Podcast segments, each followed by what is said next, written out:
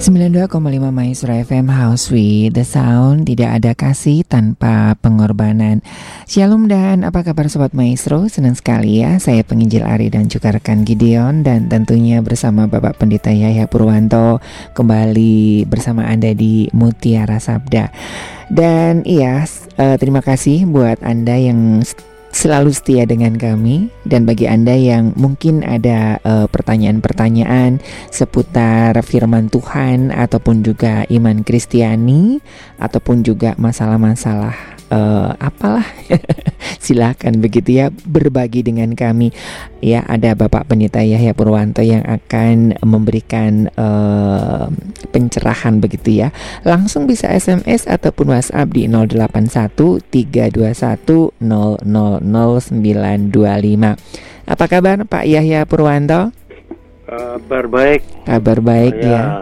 Salam shalom buat Mas Ari, yeah. Gideon, juga untuk Sobat Maestro di mana pun berada. Uh -huh. Kita berjumpa lagi dalam acara Mutiara Sabda pada uh mhm. -huh. hari ini ya.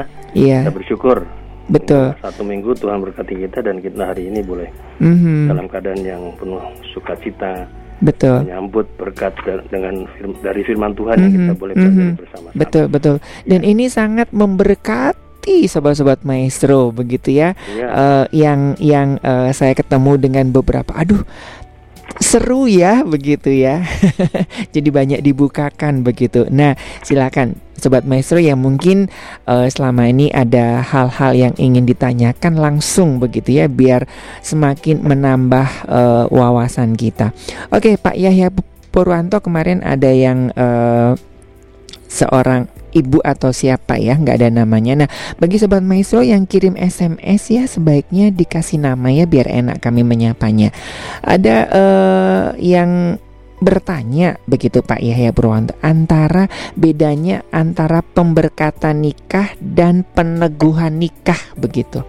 Ini kan nggak nggak banyak jemaat yang tahu juga ya apa bedanya begitu Pak Yahya. Jadi gini kalau kita bicara tentang pemberkatan apa bedanya dan peneguhan mm -hmm. maka sebetulnya kita mesti melihat dulu bahwa apa sih tujuan pernikahan itu mm -hmm. ya itu dulu yang pertama yeah.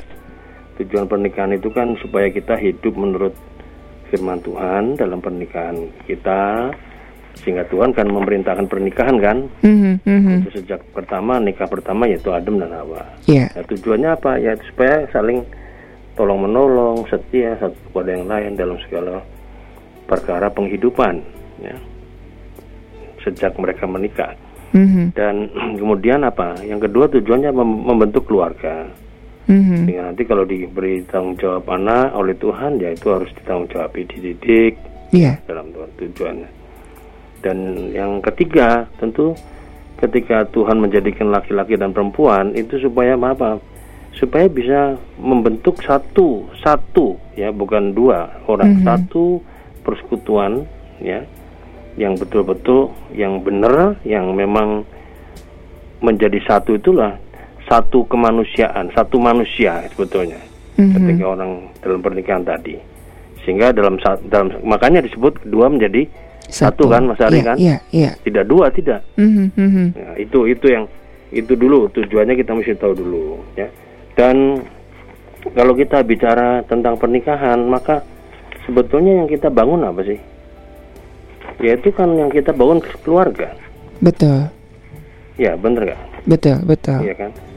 Di situ dengan kita membangun keluarga, maka sebetulnya kita merasakan bahwa dalam hidup kita itu uh, kita mempunyai sesuatu tanggung jawab. Mm -hmm. Ya, gitu loh.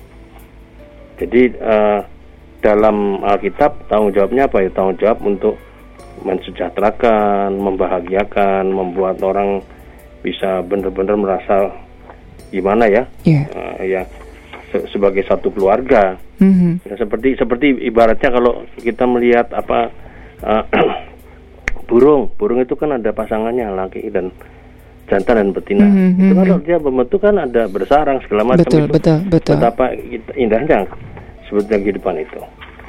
Ya, manusia juga sama. Nah, membangun keluarga yang yang apa yang benar di mata Tuhan itu yang paling penting. Mm-hmm. Ya, membangun keluarga yang benar itu artinya apa? Di, dibangun dengan memahami apa rancangan Tuhan untuk pernikahan mereka. Mm-hmm. Ya toh.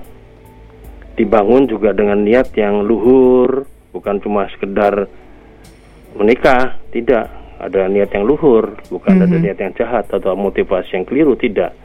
Yang luhur, luhur itu berarti apa? Yang murni, yang suci, yang ya bagus lah, positif. Kemudian apa? Dibangun dalam kekudusan. Itu kan semua semua itu ada di Alkitab ya sebetulnya. Ini saya coba sarikan. Mm-hmm. Dan yang paling penting apa? Dibangun di atas dasar yang satu yaitu apa? Kristus. Karena kalau tidak Kristus yang membangun keluarga itu, tidak mungkin laki-laki dan perempuan bisa hidup bersama. Iya, Tidak betul. Mungkin. Karena betul. karena kalau kita lihat dosa manusia itu kan ya sebetulnya natur manusia kan jahat sebetulnya. Mm-hmm, mm-hmm. kalau bukan Tuhan yang dasarnya tidak bisa. Mm-hmm. Makanya pernikahan itu kan digambarkan sebagai sebuah perahu yang melaju di tengah samudera yang luas. Iya. Yeah. Ya, kita bisa tenggelam, bisa kita bisa selamat sampai pada tujuan. Mm-hmm, Nah, karena dibangun di atas dasar itu, maka diperlukanlah unsur yang paling utama yaitu Pak Tuhan dalam hidup pernikahan tadi. Mm-hmm.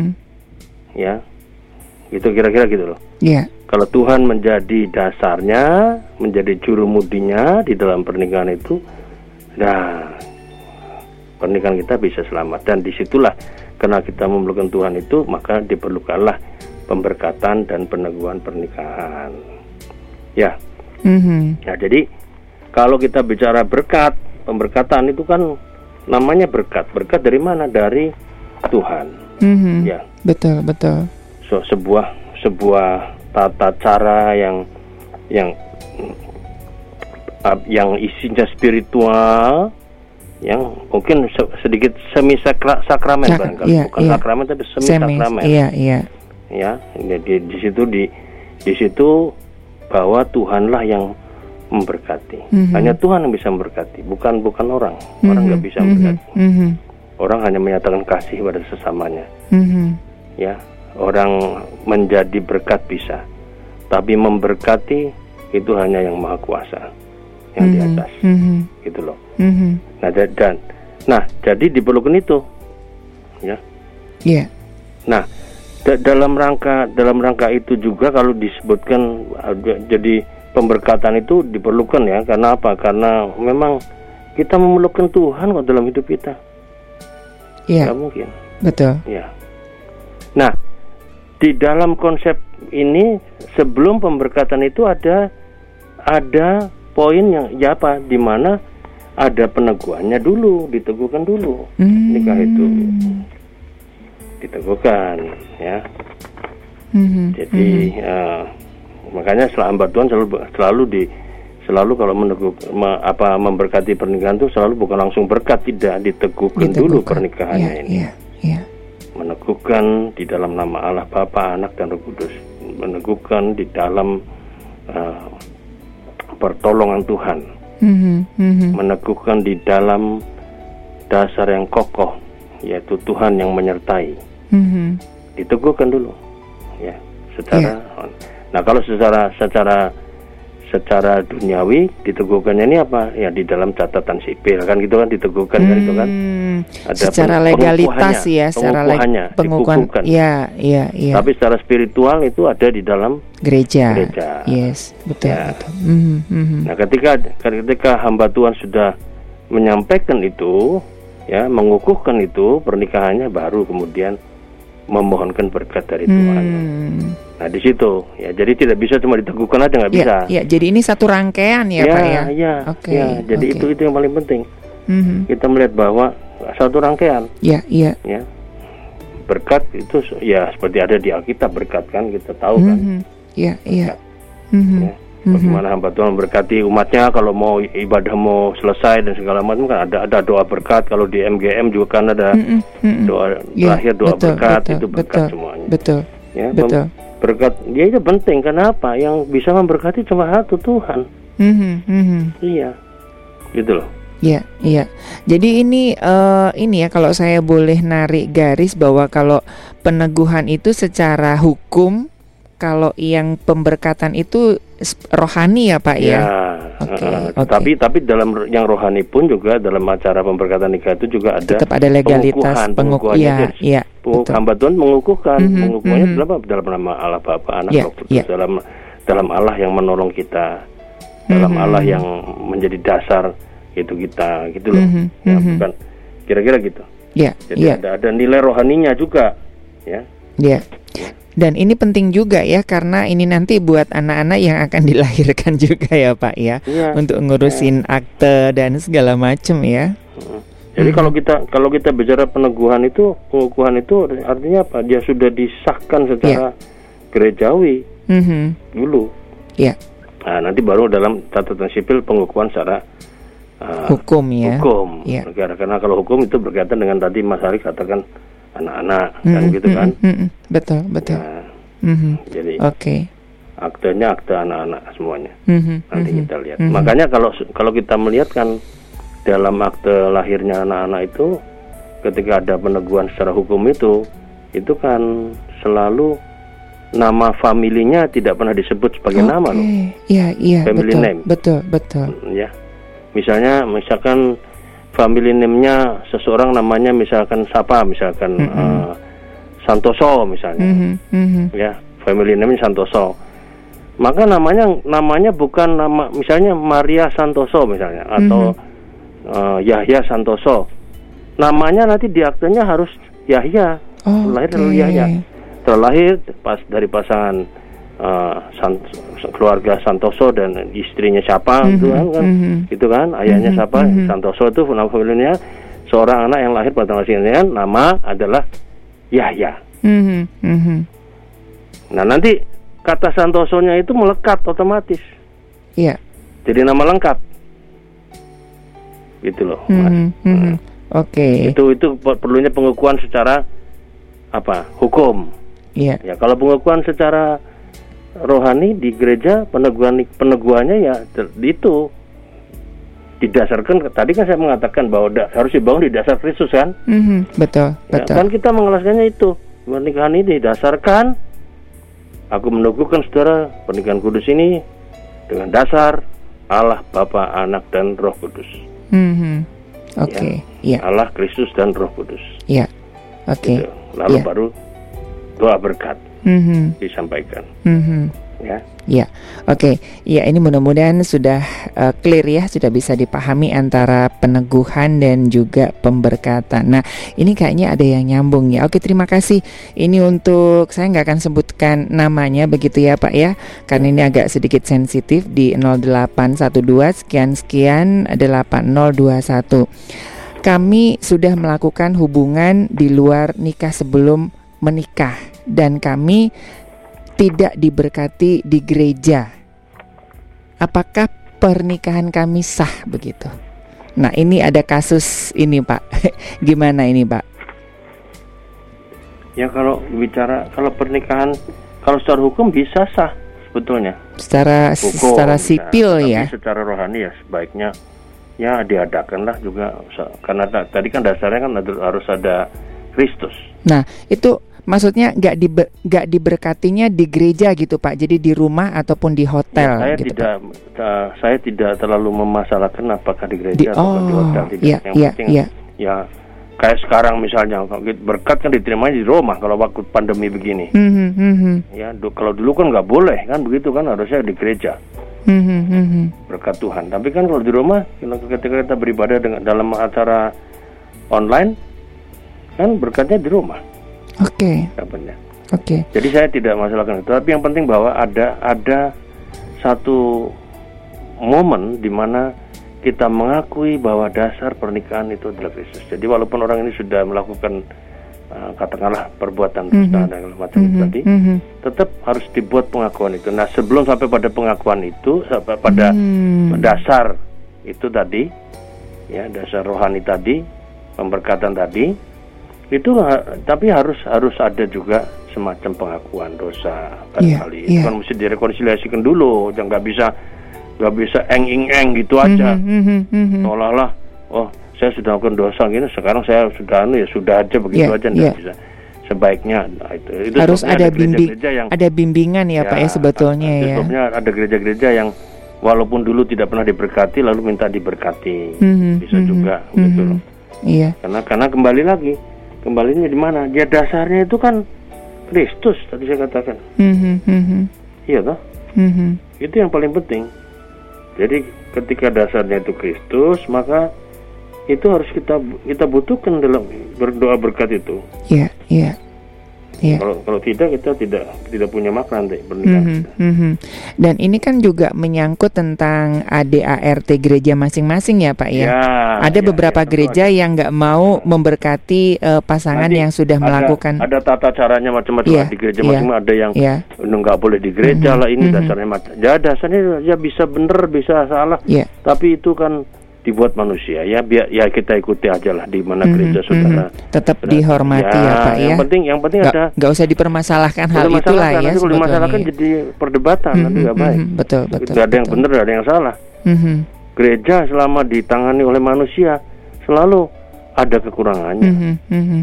ya ya Okay. Makanya kalau kita lihat gereja-gereja zaman dulu itu kenapa pecah-pecah gereja Protestan? Karena dikoreksi terus sama orang, mm -hmm. sama tokoh-tokoh gitulah. Mm -hmm ya dari gereja reformasi lalu kemudian ada gereja apa namanya macam-macam lah mm -hmm, ya. Mm -hmm.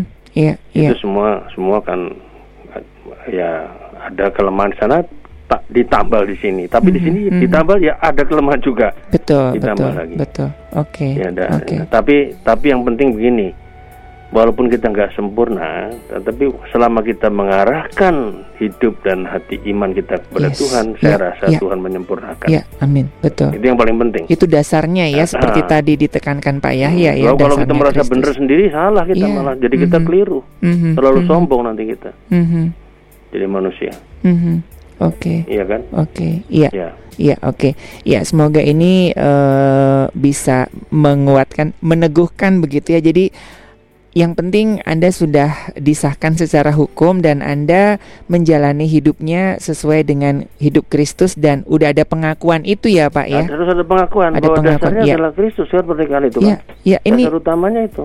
Ini sudah cukup salut loh Pak ya, berani mengakui bahwa dia sudah melakukan hal-hal ya. yang yang tidak sepatutnya ya. di sebelum menikah. Ya, itu kan harusnya diapresiasi kalau, ya. Ya, ya mau di mau bentuknya ucapan syukur, bahwa hmm, bentuknya kebaktian hmm, di gereja hmm, dalam hmm. pemberkatan, tidak masalah. Ya, ya. Itu tergantung bagaimana dia punya rasa hmm, dalam hatinya hmm, hmm, dan imannya kepada Tuhan. Ya.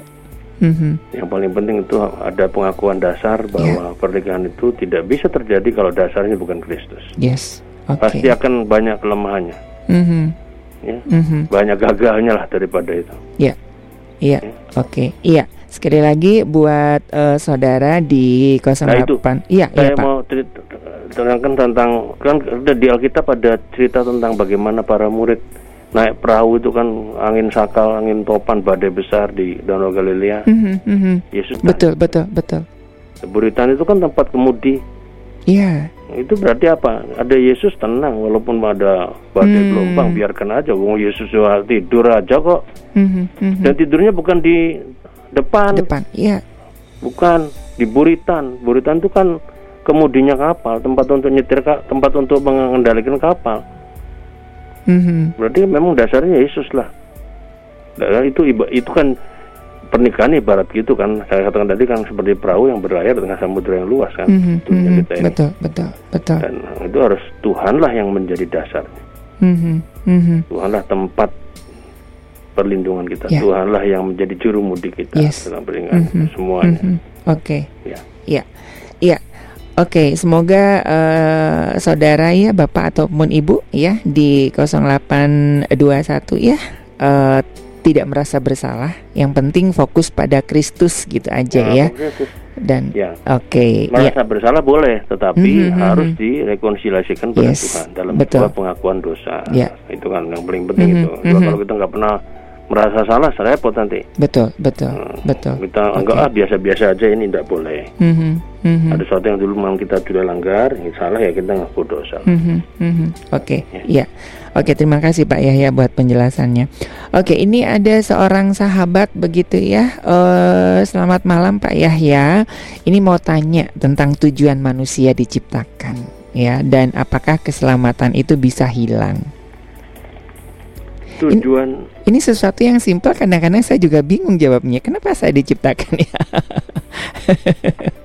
Tujuan manusia diciptakan kalau kita lihat kalau kita lihat kan memang yang paling utama dalam ciptaan itu apa manusia makanya manusia itu akan sebetulnya mahkota dari semua ya, ciptaan ya puncak yang, yang ya mahakarya dari ini ya ciptaan yang, yang paling lainnya itu adalah hmm. sarana dan prasarana yang mendukung manusia hidup hmm, hmm. makanya diciptakan dari mulai benda-benda yang mati ya jatuh kira-kira gitu mati dalam arti kata seperti uh, matahari terang dan segala macam mulai kemudian tumbuh-tumbuhan yang hidup -hmm. ini yang mulai hidup tapi hidupnya hidup tapi hidupnya tidak bisa bergerak kan gitu kan mm-hmm, lalu mm-hmm. kemudian binatang lalu terakhir baru manu, manusia. manusia nah itu mm-hmm. semua yang di bawahnya manusia ini diciptakan untuk mendukung mm-hmm. sebagai sarana prasarana buat manusia hidup mm-hmm. jadi kalau kita bicara tujuan hidup eh tujuan manusia diciptakan, diciptakan ya ya jadi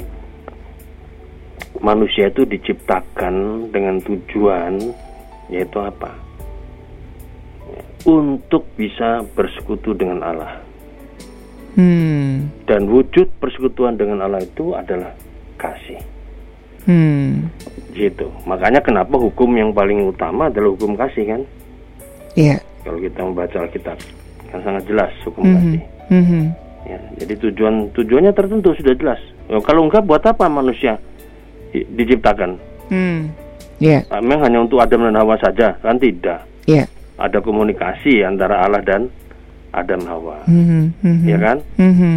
Ada perintah manusia Allah kepada manusia. Ada kewajiban yang manusia harus lakukan untuk Allah.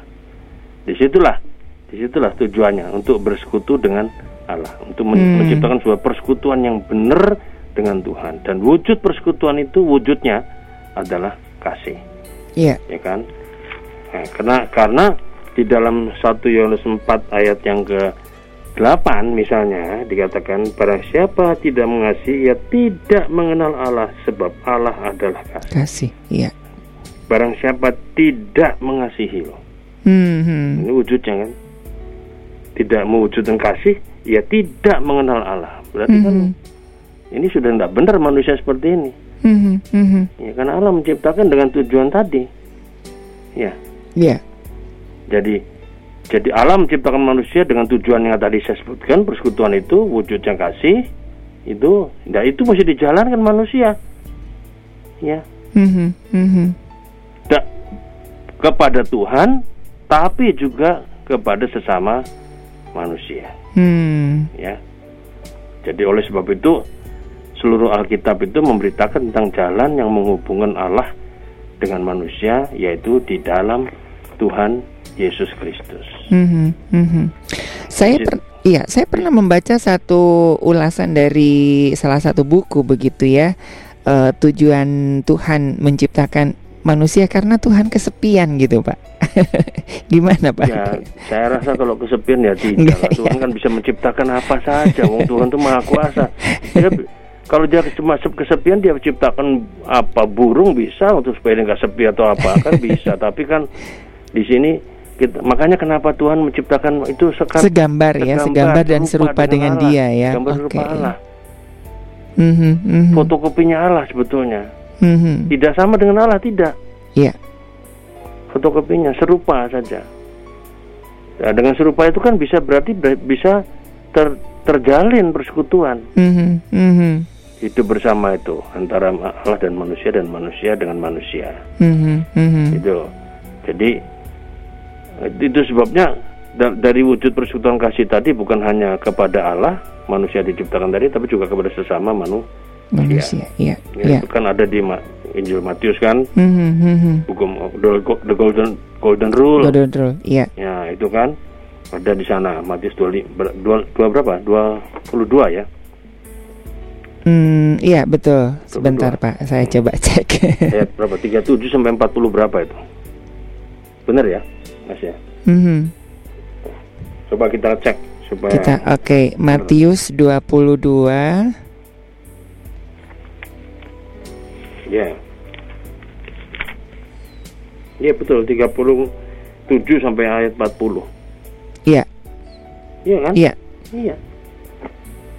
Mm-hmm, sebetulnya mm-hmm. itu yang terjadi dan, dan ini sebetulnya adalah ayat yang Tuhan Yesus kutip dari itu kalau kita lihat kitab ulangan dan ulangan, kitab imamat betul betul betul ulangan 6 ayat 5 dan imamat 19 ayat 18 kasih pada Tuhan dan kasih pada sesama itu itu tujuannya mm-hmm, ya. mm-hmm. nah karena itu manusia manusia menjalankan tujuan ini dengan prinsip bahwa segala kemuliaan itu hanya bagi Tuhan. Tuhan, ya. Soli Deo Gloria. Mm-hmm, mm-hmm.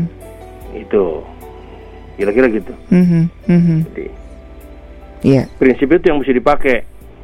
Sebab kalau prinsip itu nggak dipakai cuma untuk diri sendiri, nggak ada kasih nanti. Mm. Kalau cuma kasihnya bagi diri sendiri saja kan tidak bisa mengasihi. Mm-hmm. Karena kasih itu mm-hmm. harus pada Tuhan dan pada sesama dan, mm-hmm. dan di situlah kita ketika kita mengasihi Tuhan dan sesama di situ kita memuliakan nama Tuhan kira-kira yeah. begitu yeah. nah itu makanya kenapa uh, di ada simbol salib ya gitu kita hmm. memang nggak boleh bermain simbol terlalu banyak simbol yeah, karena yeah, kita yeah. jadi nggak ngerti Pusing. tapi ini ini simbol yang khusus salib yeah, kan tahu yeah. kita mm-hmm. ada garis vertikal ada garis sorry Sontak. garis yeah. vertikal menghubungkan manusia dengan Tuhan persekutuan vertikal itu eh horizontal adalah hubungan sesama manusia mm -hmm. sederajat ya horizon gitu mm -hmm. di situ nah mm -hmm. itu ya nah dalam persekutuan kasih manusia dengan Tuhan tadi yang menjadi tujuan Tuhan mencipta manusia maka ya ada kehendak Tuhan buat manusia, yaitu apa? Tuhan memberikan perintah-perintahnya, firman-Nya kepada manusia. Di situ. Mm-hmm. Nah, itu sebabnya perintah pertama apa? Jangan ada, eh, bukan, jangan, jangan. kau makan buah mm, itu. Itu perintah iya. pertama. Lalu ada perintah hukum Taurat, sepuluh mm-hmm, hukum Tuhan, mm-hmm. dan perintah yang lainnya banyak lagi yang lainnya. Mm-hmm, Jadi jadi dalam wujud persekutuan kasih itu tadi antara manusia dengan Tuhan dan sesamanya tadi, kehendak Allah untuk manusia itu diatur di itu, diberikanlah firman mm-hmm, yang mengatur hubungan tadi. Sebab kalau kalau tidak ada firman nggak bisa nggak bagaimana coba mas? Iya, iya. Kita bayangkan. Iya kan? Mm-hmm. Wujudnya apa kita mengasihi Tuhan? Lihat di firman itu. Mm-hmm, mm-hmm. Wujudnya apa kita masih sama? Ya di firman itu, misalnya nggak boleh mencuri, nggak boleh ini itu, itu contoh-contoh kasih kepada sesama. Mm-hmm. Jadi, jadi sebetulnya kita melihat bahwa luar biasa Tuhan itu mengatur manusia. Yeah. Ya, sem- sempurna betul lah. Betul. Yeah. Walaupun memang harganya cuma dalam bentuk tanah, debu mm-hmm. kan mm-hmm. asalnya, mm-hmm. tapi dikasih mahkota sama Tuhan, kemuliaan itu menjadi serupa segambar dengan Tuhan ya dan diberikan itu tadi yeah, yeah. kehendak Tuhan untuk manusia itu apa dalam bentuk hukum hukum Tuhan hukum lewat Tuhan. firman lewat mm -hmm, hukum. Taurat lewat apa saja yang menjadi mm -hmm. perintah Tuhan jadi mm -hmm. kalau Tuhan perintah itu ya jangan dilawan yeah, yeah.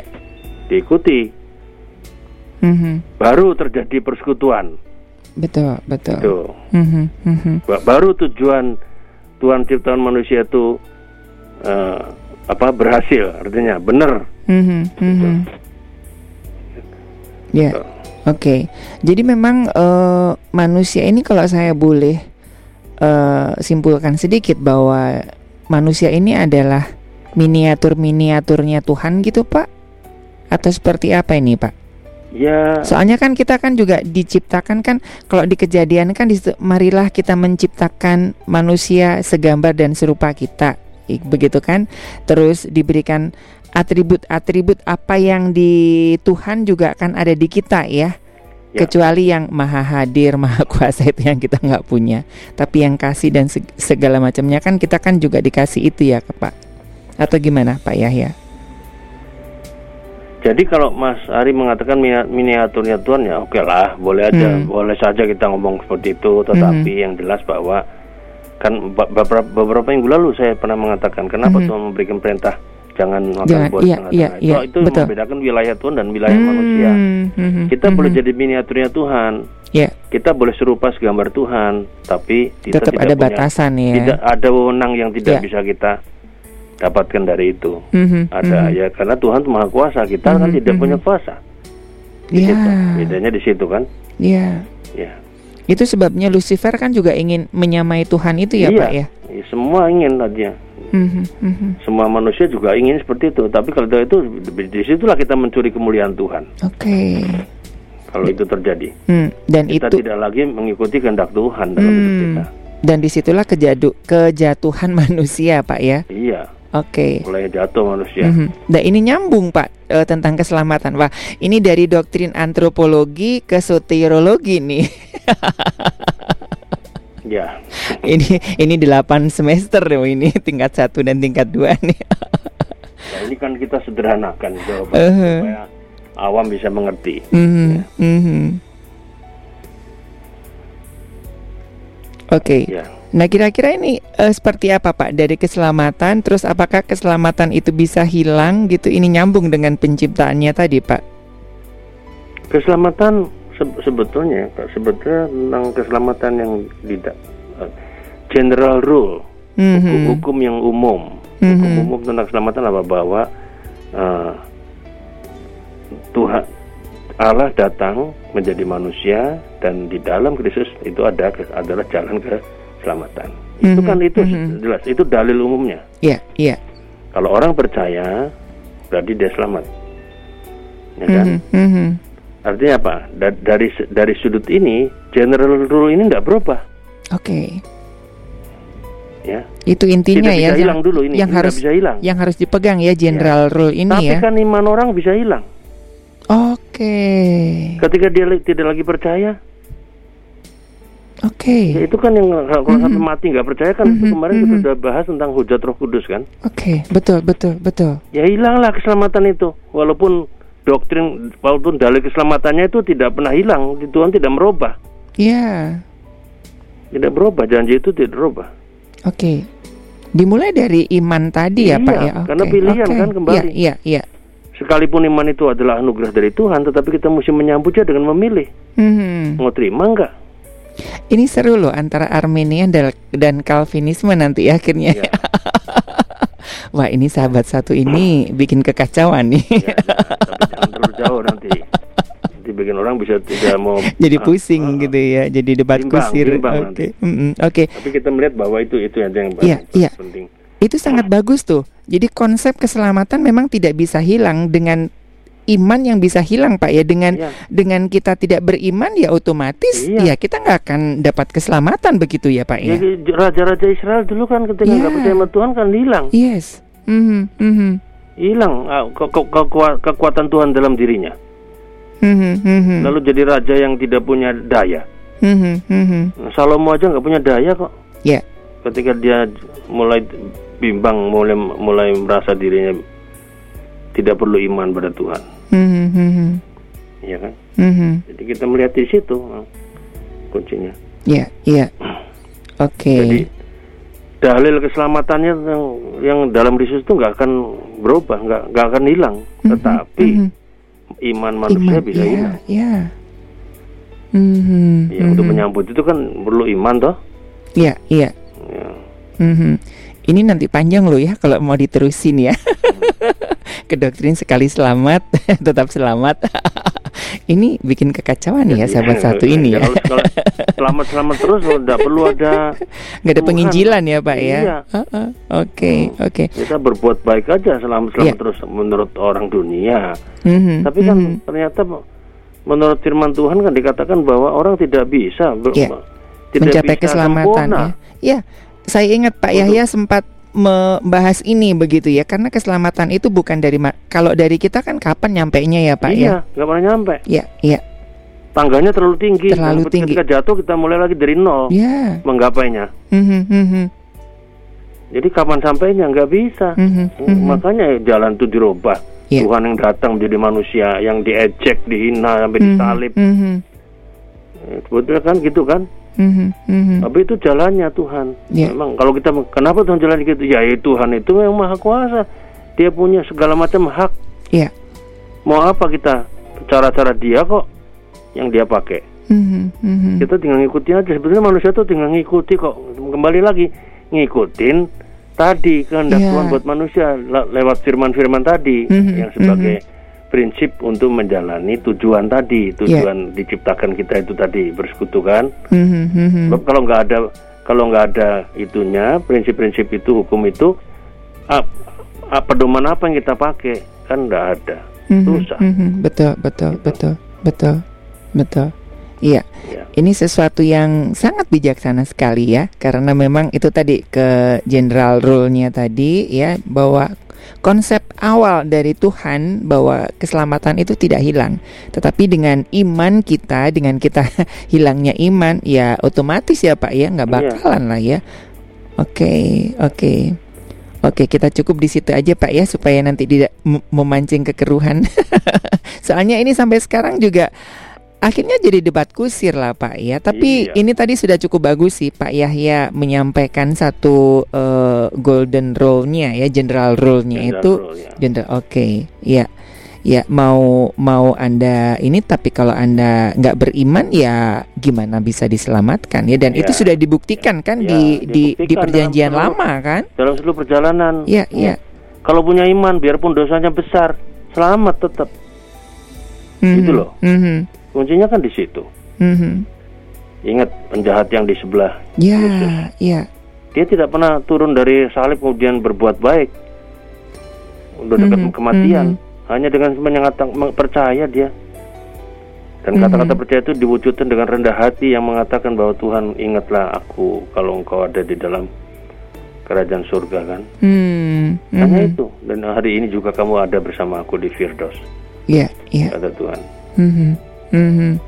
Oke, ya. Tapi ya eh, kita kembali juga ke doktrin masing-masing gereja ya Pak ya. Ya. Kita nggak boleh ya kalau misalkan Anda ikut aliran Armenian ya hargai itu, ikutin itu jangan menyalahkan yang Calvin begitu ya. Yang paling Saya- benar saya- nanti saya jadi kan pakai truk. dari sudut reformasi ya Iya. saya mengatakan. Mhm, mhm. Oke, oke, iya. Mudah-mudahan ini bisa dipahami ya. Oke, ini ada seorang eh, dari sebentar ini nggak ada namanya juga ya. Mungkin dikasih nama ya biar enak saya nyebutnya. Eh dari oke, Yoha, 1 Yohanes 5. Oke, ini ada ada ayatnya, Pak. sebentar. 1 Yohanes 5 ayat 16 dan 17 satu sebentar satu Yohanes 5 satu Yohanes 5 ayat 16 dan 17 saya akan bacakan kalau ada seorang melihat saudaranya berbuat dosa, yaitu dosa yang tidak mendatangkan maut, hendaklah ia berdoa kepada Allah dan ia akan memberikan hidup kepadanya, yaitu mereka yang berbuat dosa yang tidak mendatangkan maut. Ada dosa yang mendatangkan maut, tentang itu tidak kukatakan bahwa ia harus berdoa. Semua kejahatan adalah dosa, tetapi ada dosa yang tidak mendatangkan maut. Nah, ini ada ada pembagian kasta nih, Pak. ada dosa yang tidak mendatangkan maut, ada dosa yang mendatangkan maut. Ini maksudnya apa nih yang dimaksud dengan Rasul Yohanes? Satu Yohanes lima ya? Iya, 1 Yohanes 5 ayat 16 dan 17. Jadi gini, Hmm. dosa yang tidak mendatangkan maut, ya itu kalau kita, jadi sebetulnya Rasul Yohanes ini membedakan antara dua jenis dosa, Mhm. ya, dosa yang tidak mendatangkan maut, dosa yang mendatangkan maut, kan kira gitu. Iya. Atau kalau pakai bahasa yang sederhana saya saya katakan dosa yang katakanlah nggak begitu apa namanya ya, apa Seperti ya, menghujat Roh Kudus gitu, apakah ada ya, kaitannya itu, Artinya Pak? gini, ada dosa yang tidak begitu serius. Mm -hmm, mm -hmm. Terjadi secara tidak sadar dilakukan dan direncanakan. Tapi kalau tidak bertobat ya tetap ada, tetap hasilnya ada konsekuensi. Iya, iya, iya. Ada. Tapi ada dosa yang katakanlah begitu buruk ya yang ah, merupakan satu pemberontakan yang sengaja terhadap Tuhan firman-Nya sampai pada kematiannya. Nah, mm -hmm, itu mm -hmm, kan itu kan hujat pada Roh Kudus. Saya sudah terangkan yeah, beberapa yeah, waktu yeah, lalu. Yeah, yeah. Dosa itu susah itu karena sampai detik terakhir di Tuhan tunggu tidak mau, tetap mm -hmm, memberontak, mm -hmm, tetap mm -hmm. melawan kekuatan Roh Kudus. Mm -hmm, mm -hmm. Roh Kudus. Tuhan kan tidak pernah mau memaksa orang untuk datang kepadanya. Betul, betul kalau Tuhan mau maksa orang gampang dikasih aja kesulitan apa ini itu lalu bertobat hmm. tapi Tuhan nggak mau Tuhan da mau datangnya itu dengan hati yang penuh sukacita yeah. hati yang yang terbuka, tulus ya yang tulus mm -hmm. Mm -hmm. tidak tidak ada maunya gitu loh mm -hmm. ya kan Tuhan bisa Tuhan bisa nggak membuat orang masuk uh, menjadi umatnya dengan cara misalnya memukul menghukum bisa sebetulnya. Mm -hmm. Mm -hmm. Tapi itu Tuhan nggak melakukan. Iya. Yeah. Ditunggu sama Tuhan sampai the last minute. Oke. Okay. Jadi itu itu dosa yang jadi itu yang di, mau dikatakan di 1 Yohanes 5 ayat 16 mm -hmm. dan 17. Mm -hmm. Dosa yang tidak mendatangkan maut itu adalah dosa yang kalau kita masih di dunia ini apa pun dosa kita asal kita masih mau bertobat bisa selesai. Mm -hmm. Yes. Asal mau ada pengakuan ya, Pak ya ada kan pengakuan. itu dia ada di ayat ya. 1 Yohanes 1 ayat ya, ya. 8 9 ya. 10. Ya. Ya, barang siapa mengaku Jika kita mengaku dosa, dosa kita, ya. maka Allah itu setia dan adil. adil ya. Maka dosa akan, kita diampuni. Dia akan mengampuni segala dosa mm -hmm. kita dan menyucikan dari segala yes. kejahatan. Amin. Kenapa? Karena Yesus sudah datang mm -hmm. Mm -hmm. menyelesaikan apa namanya dosa manusia, mm -hmm. dosa mm -hmm. dunia ini mm -hmm. di atas kayu salib okay. sudah dilakukan itu oleh Yesus. Mm-hmm. Tapi kalau ditunggu-tunggu oleh Tuhan, manusia itu nggak mau sadar, tetap aja memberontak melawan. Nah, kemudian ada sampai pada saatnya dia harus menghadap Tuhan. Itu, itu yang tidak bisa di apa namanya? Diampuni ya. Direkonsiliasikan, tidak ya, akan bisa ya, diampuni. diampuni ya. Itu yang mendatangkan maut. Mm-hmm, mm-hmm. Maut kekal di sini maksudnya. Betul, betul. Jadi dengan dengan kata lain bahwa selama kita masih ada di dunia, marilah kita belajar untuk selalu mengaku dosa dan minta mm-hmm. ampun. Mm -hmm. Karena dengan kita melakukan ini berulang-ulang, mengaku dosa, minta ampun, lama-lama itu menjadi satu doktrin dalam kepala kita. Oh iya ya, saya nggak boleh bohong lagi. Iya, yeah, iya. Yeah. Sebab kalau kita berdoa Tuhan, Tuhan saya tadi bohong, ampuni saya Tuhan. Cuma sekali aja, lain kali bohong kita nggak minta ampun, nggak mau tapi kalau kita bohong minta ampun, bohong minta ampun lama-lama terdoktrin nih. Hmm. Ada brainwash dalam diri kita. Mm-hmm, mm-hmm, mm-hmm. Bahwa saya nggak mau bohong lagi. Iya, yeah, iya. Yeah. Ada tujuan itu kalau mm-hmm. kita ngaku dosa seperti itu. Mm-hmm. Sampai di satu titik Roh Kudus bekerja dan saya nggak mau bohong lagi. Iya, yeah, iya. Yeah. Dan yeah. tidak perlu lagi kita berdoa untuk mohon ampun atas kebohongan karena hmm. sudah terpatri di kepala kita tidak. Iya. Dan itu di salah satu liturgi gereja Protestan kan ada ya Pak ya di di permulaan ibadah kan ada yuk kita bikin pengakuan dosa hmm, begitu ya. ya. Itu ada sisi ininya ya di liturginya ya. Ya, ya. Itu kan itu juga kan kalau kita lihat sejarah Israel juga sama. Kalau sampai okay. orang nggak ngaku dosa ngaku dosa maka setahun sekali ada hari grafirat besar. Mm -hmm. Ya, betul, betul. Pengakuan uh, rekonsiliasi atas dosa umat mm -hmm. kalau nggak sempat mengaku dosa. Yeah, yeah. Lalu ada seekor anjing jantan di anu di apa di lepaskan di hutan kan mm -hmm. sebagai simbol untuk melepas semua dosa. Rekonsiliasi, iya iya. Mm -hmm. Kan ada itu. Mm -hmm. Jadi kita melihat itu yang kita harapkan. Makanya selama kita masih ada di dunia, mari yeah. kita belajar untuk selalu mengaku dosa pada mm -hmm. Tuhan. Mm -hmm. Mm -hmm. Ya, karena ada saja nanti kita nggak sadar betul betul bahwa kita bahwa kita tuh dipandang salah sama Tuhan tapi kita nggak pernah merekonsiliasikannya mm -hmm. nanti Tuhan tagih mm -hmm. saya punya mm -hmm. saya berpandangan saya yakin betul dengan iman saya bahwa kalau kita nggak pernah merekonsiliasikan dosa kita di satu titik Tuhan akan menagih kita yeah. entah nanti kita dihukum, entah kita dapat ini itu nggak tahu kenapa. Iya, mm-hmm. karena mm-hmm. kita anggap sepele. Betul, Tuhan. betul, betul. Ditunggu kok, nggak mau menyerah gitu loh mm-hmm. untuk datang mm-hmm. ngaku dosa. Iya, tapi bukan berarti Tuhan dendam ya Pak ya. Tidak, tidak. Jangan disalahartikan ya sobat maestro bukan, ya. Kalau dendam beda. Mm -hmm. Kalau dendam itu Tuhan pukul aja langsung mm -hmm. itu. Awas lo ya, nggak ngaku awas lo ya. Oke, okay, ya, ya. Mm -hmm. Karena karena kalau bayangkan kalau manusia sudah tidak mau ke dosa itu kan berarti kan seolah-olah dia benar yeah. sudah sama dengan Tuhan nanti betul betul sangat bahaya mm -hmm. harus belajar rendah hati di hadapan Tuhan ya yeah. bahwa kita itu manusia yang berdosa mm-hmm. dan mesti minta ampun sama Tuhan. Dan sebetulnya buat Tuhan juga nggak ada untungnya ya Pak ya kasarannya iya. gitu ya kalau mau uh, transaksional gitu kan? Iya, kalau kita lihat tujuan manusia ciptakan bertuhan itu untungnya apa buat Tuhan? Gak ada. Mm-hmm. iya, Tuhan tidak tidak kemudian menjadi gila pujian kalau apa namanya dia dipuji oleh ratusan orang mm-hmm, atau oleh pertobatan ribuan orang tidak. Iya, yeah, iya. Yeah. Kalau secara, kalau dunia secara duniawi mungkin dia ada pendeta yang misalnya menobatkan ribuan orang wah merasa bangga. Nah, tapi yang nggak perlu dibanggakan lah yeah. itu karena itu kerja Roh Kudus. Yeah. Tuhan Tuh, tidak. Ya. Tuhan kita nggak baperan ya Pak iya. ya. Tuhan tidak gila seperti itu, tidak yeah, gila yeah. pujian, gila mm-hmm, hormat, mm-hmm. gila pengakuan dosa kita tidak. Mm-hmm. Ini untuk kepentingan kita. Ya, ya. Mau masuk kerajaan yang sempurna nggak kita? Kerajaan mm-hmm. kemuliaan Tuhan yang kekal mm-hmm. dalam surga. Mm-hmm. Kalau mau ya jalanilah seperti itu. Yeah.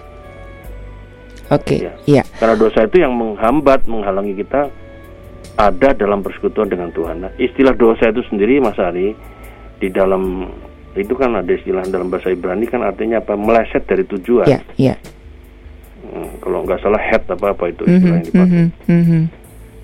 Oke, okay, iya. Jadi meleset Tuhan, Tuhan mencipta kalau misalkan kita uh, main itu apa namanya uh, panah gitu ya, ya panah itu mm -hmm. itu kan ada mm -hmm. kalau kita meleset kan ya udah nggak masuk ya nggak masuk ke satu titik pusat satu kan? satu satu senti pun itu ya, udah salah kalau berarti. satu senti itu diproyeksikan jauh kan Dis, makin lama makin betul, lebar ya, jaraknya betul betul nah, dosa itu itu mas artinya mm -hmm, mm -hmm. jarak antara manusia dan Tuhan ada jarak. Yes.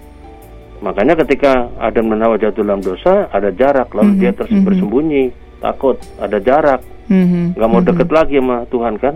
Mm -hmm. Karena salah. Betul, betul, betul. Gitu. Okay. Makanya makanya di dalam pelajaran agama kan selalu ada dosa itu disimbolkan seperti anu apa? Jurang. Jurang ya hamartia gitu ya, ya kalau nggak salah. Dia inget ya. Oke oke. Aduh ini kayaknya kepingin nanya banyak pak. Tapi waktu kita sudah ini udah di kode-kode pak gitu kan. Oke ya. nanti kita bisa lanjutkan di kesempatan yang akan datang. Ini kayaknya makin seru nih pak ya nah sedikit pak kira-kira apa yang bisa kita uh, tarik garis merah dari awal sampai akhir ini tadi ya, pak? kalau saya menarik garis merah dari semua pertanyaan tadi, marilah kita menghayati apa tujuan kita diciptakan Tuhan itu aja. Mm-hmm. Ya, bahwa tujuan kita diciptakan supaya kita bisa bersekutu dengan Tuhan, mm-hmm. supaya kita bisa mengalami perjumpaan dengan Tuhan terus yeah. menerus itu. Mm-hmm. Dan mm-hmm. untuk itu, ya Tuhan memberikan firman-firmannya pada kita mm-hmm. sebagai pedoman untuk supaya tujuannya jangan meleset yeah. tetap yeah. di situ. -hmm. Oke, okay. ya. oke, okay, iya. Sekali lagi terima kasih Pak Yahya buat kesempatan uh, hari ini sudah banyak memberikan uh, edukasi dan juga pencerahan begitu ya Tuhan memberkati. Oke, okay, saya juga ingin uh, menyampaikan turut berbela sungkawa juga ini uh, bagi salah satu pendengar setia Radio Maestro ya, keluarga Ibu Yena ya. Siang tadi Bapak Teddy dipanggil uh, pulang Tuhan begitu ya. Nah, kami keluarga besar Radio Maestro turut uh, berbela sungkawa kiranya Oma Yena dan anak cucunya diberikan kekuatan dan ketabahan begitu ya. Terima kasih uh, kita dukung dalam doa ya buat Tante Yana dan keluarga. Tuhan memberikan kekuatan dan penghiburan. Baik sobat maestro, terima kasih buat kebersamaan di Mutiara Sabda. Kita akan ketemu lagi di kesempatan yang akan datang. Dari Gera Maestro Jalan Kaca Piring 12 Bandung, saya penginjil Ari, rekan Gedeon dan juga Bapak Pendeta Yaya Purwanto mohon pamit dan Tuhan memberkati.